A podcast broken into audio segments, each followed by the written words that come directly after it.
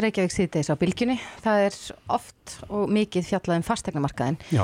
En ég held að það sé eitthvað svona undarlegt í gangi núna allavega virðist að vera þannig að fréttum að dæma. Já, einmitt. Uh, og virðist vera sem að sé bæði skortur Akkurat. og að íbúðu sé að seljast einhvern veginn yfir raunverði.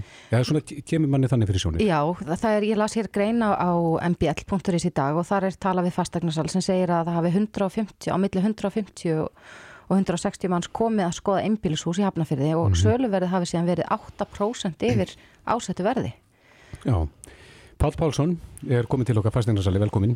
Takk fyrir, takk fyrir mig. Er, er, er þetta að tala að það, þetta sé að seljast yfir raunverði eða er raunverði bara verði á hverjum tíma fyrir sig? Já, sko ég hef alltaf sagt sko þó eignin sé að seljast yfir auðlustu verði eða undir auðlustu verði, mm -hmm. þá er það endanum sem markaðin borgar alltaf rétt verð og hins vegar þegar við fasteinarsalir erum að verðlega gegnir þá erum við svolítið að byggja það kannski að sölutölun sem eru búin að eiga sér stað og reiknum kannski upp einhverja hækku sem eru á sér stað og svo framvís og mælum svo og ráðlegjum kannski ákveða ásett verð.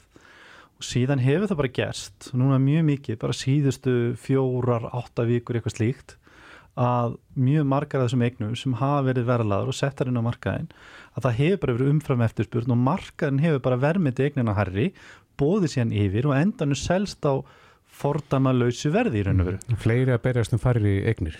Það er bara málið og þetta er bara eina skýringi sem ég hafa á þessu þó að það margir sé að segja út af vöks, lágum vöxtum og svo framvegis vissulega hefur það eitthvað að segja en, en það er klárlega íbúðaskortur. Það er um sko í dag um 1200 eignir auðlistunum og fasteinum við honum. Uh, þar af er um 300 nýbyggingar og ég gerir ráð fyrir því að nýbyggingan í íbúðunum séu tví, þrý og jafnvel fjór skráðar vegna þess að það eru fleiri en eitt fastinarsali með nýbyggingaverkefnin mm -hmm. og þannig að það er mjög lítið af þeim. En á sama tíma í síðustu viku þá voru 30.000 notendur inn á fastinu við vísi sem dæmi.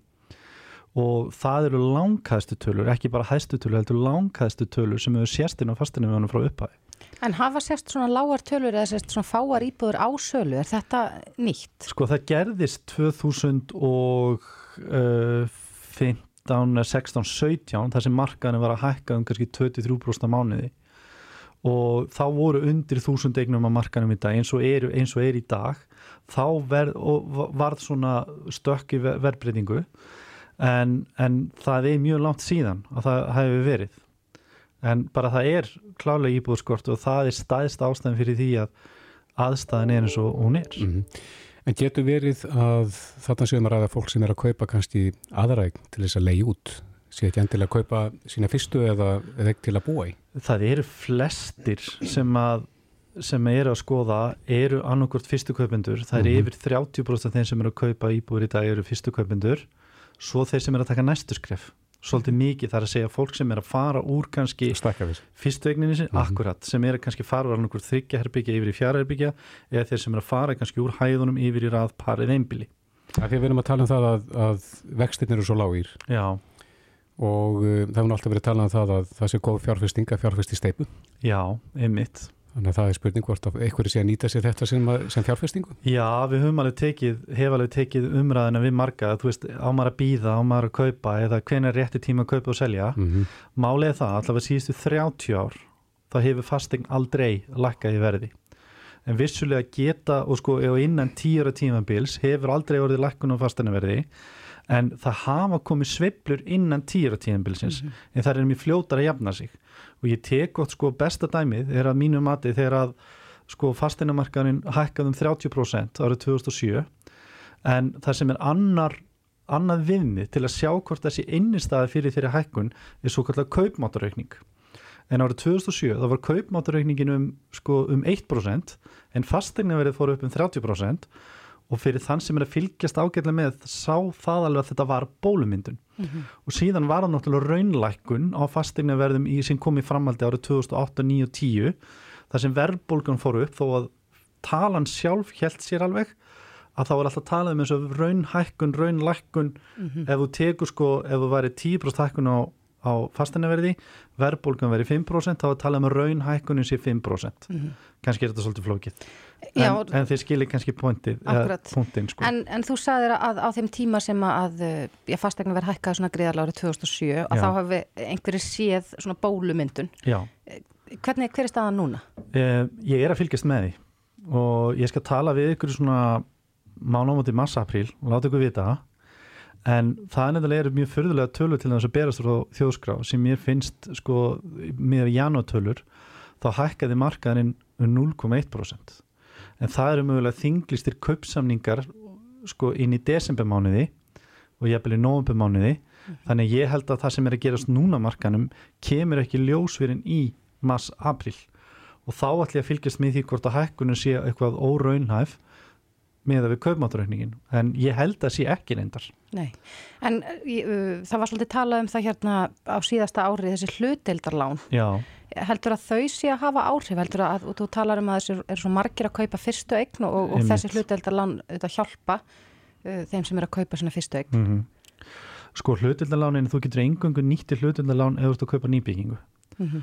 þannig að ég held að sé ekki að hafa eins mikið áhrif. Nýbyggingar eru tölvur dýrari og, en ég veit að það er mjög mikil eftirspurn í hlutendalánin mm -hmm. en, en grunnurinn á vandamann er það að það vantar fleiri nýbyggingar vegna þess að þær hafa svo mikil markvöldan áhrif þar að segja einstaklingu sem á raði að parhúsi Lundunum í Garðabæk kaupir sér nýbyggingu er mögulega minka við sig og bara út af því eigninu Lundunum er að koma mm -hmm. að þá er kannski parhús í Hafnarfyrði þaðan kemur hæð og þaðan kemur íbú þannig að kannski þrjárfjórar eignir út á eina nýbyggingu mm -hmm.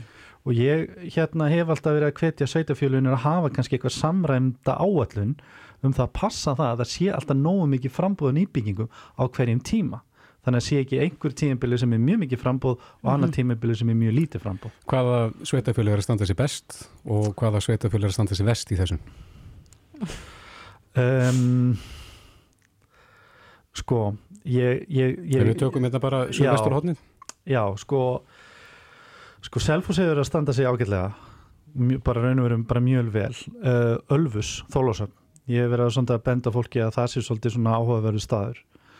Um, sko ég sendi nú reyndar í, á síðast ári þegar ég svona pínu sá þetta fyrir að þetta væri að fara að gerast. Það sem ég bara hreinlega fann til með sérstaklega fyrstu kaupundum, var einhver 30, 40, 50 mann jópið ús, eitt kefti og hinn er bara sátu með sátt ennið að þá sendi ég tölupóst á alla sveitastjórarna og borgastjóra tölupóst að bara benda um á það hvort það sé ekki þetta. Samræmenda og dagur hann var eiga það, hann var mjög duglegur að senda mér þar áallin sem eiga sér staði Reykjavíkuborg og framöndan uh, þannig að það er mikið að gerast þar.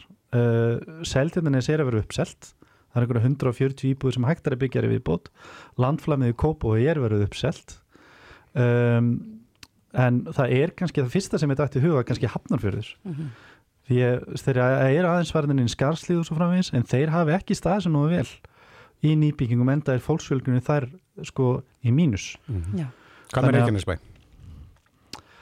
Um bara þekkja það ekki alveg náðu vel til þess að vera alveg hinskilin en ég finn það alveg sko að með þéttingu byggðar þá hefur fólk verið að horfa svolítið í útkvarfin og hérna þetta er nágranna sveitafjölu eins og Reykjanesbæ hver ekki er Selfos og Akranes mm -hmm. en Reykjanesbæ hefur verið að standa sig bara ágætlega síðustu 2-3 ár mm -hmm. En Akranes, hefur klárnum þetta bara?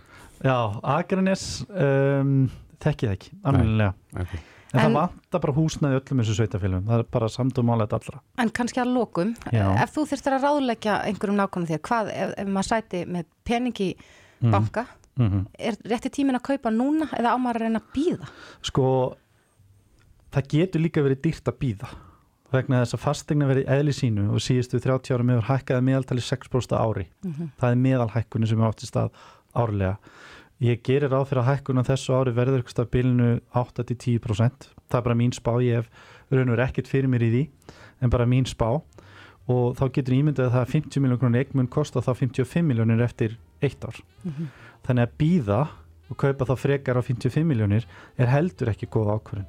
Þannig að ef ég ætti svona lausam penning, var að fara inn á markaðin og ég er að raun og verið að ráleika mínu megin sinni að, að fara núna inn á markaðin og bara og býða þannig að ég myndi ekki, ég myndi ekki býða eftir að fara í lakkunni eitthvað slíkt. Mm -hmm. allavega það er engin ummerki um það að markaðan sé ykkur leginni niður að mati allra greiningar aðlega sem er á markaðinu Já, áhugavert. Pál Pálsson, uh, fastegna á fyrirtækjasali hjá 450 fastegnarsölu Kærar þakki fyrir koma Takk kærlega fyrir mig 450 fastegnasala kynir fastegna spjallið Spjalláttur þar sem farið er yfir allt sem tengist kaupum og sölu fastegna og hvað fælst í því að eiga og reka fastegn. Nánari upplýsingar á 450.is